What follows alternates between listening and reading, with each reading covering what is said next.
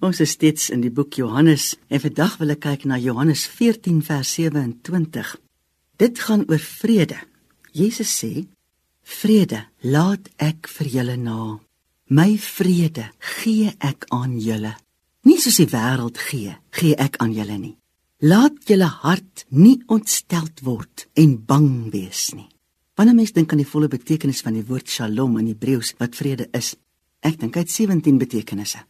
Party daarvan is voorspoed, gesondheid, goed, gelukkig, guns en nog baie meer. Maar dit is presies wat die liefde van Vader en Seun, asook die verlossing van Jesus vir ons in gedagte het. Hoor ook wat die woord sê in Johannes 16 vers 33. Dit het ek vir julle gesê dat julle in my vrede kan hê. Die wêreld sal julle verdrukking hê, maar hou goeie moed. Ek het die wêreld oorwin. Kom ons wees realisties. So 'n groot deel van die land gaan steeds gebuk onder baie erge droogte. Waar vind die wat deur die droogte geraak word, vrede oor alle dinge? 'n Voetoorgang tussen geboue by 'n skool breek en 'n dorp word in rou gedompel oor die ramp. Waar kry die betrokkenes vrede? Watter soort vrede kan die verslaandheid van 'n boer of die rou emosies van 'n gebroke ouer bedek? Die geweldige ding wat ons moet verstaan is dit: God is liefde. Hy is ook vrede.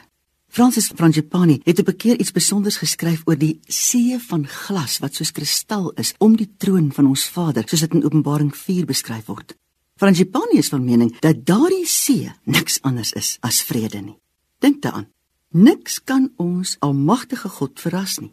Hy weet alles. Hy kan alles. En ja, hy laat soms dinge toe omdat die mens ook daarin aand het, soos ongeregtigheid, ongehoorsaamheid. Maar selfs dan staan sy troon in 'n see van vrede. Wanneer ons vrede kortkom, moet ons dit in hom gaan soek. Gaan na hom toe. Vra, bid dat hy jou sal volmaak met sy vrede. Hierdie vrede gaan nie dadelik die droogte of die verlies aan 'n geliefde wegneem nie, maar dit sal my en jou in staat stel om ons situasie te hanteer op 'n manier wat ons nie verdere skade aan onsself en die om ons veroorsaak nie. Daar is soveel wat vrede van ons wil kom steel. Politiek, finansies wat benard lyk, verhoudings wat dwarsvoeter. Omdat sy vrede ons hart kan verander, moet ons gaan soek daarna om dit te ontvang. Dink ook aan Filippense 4:7.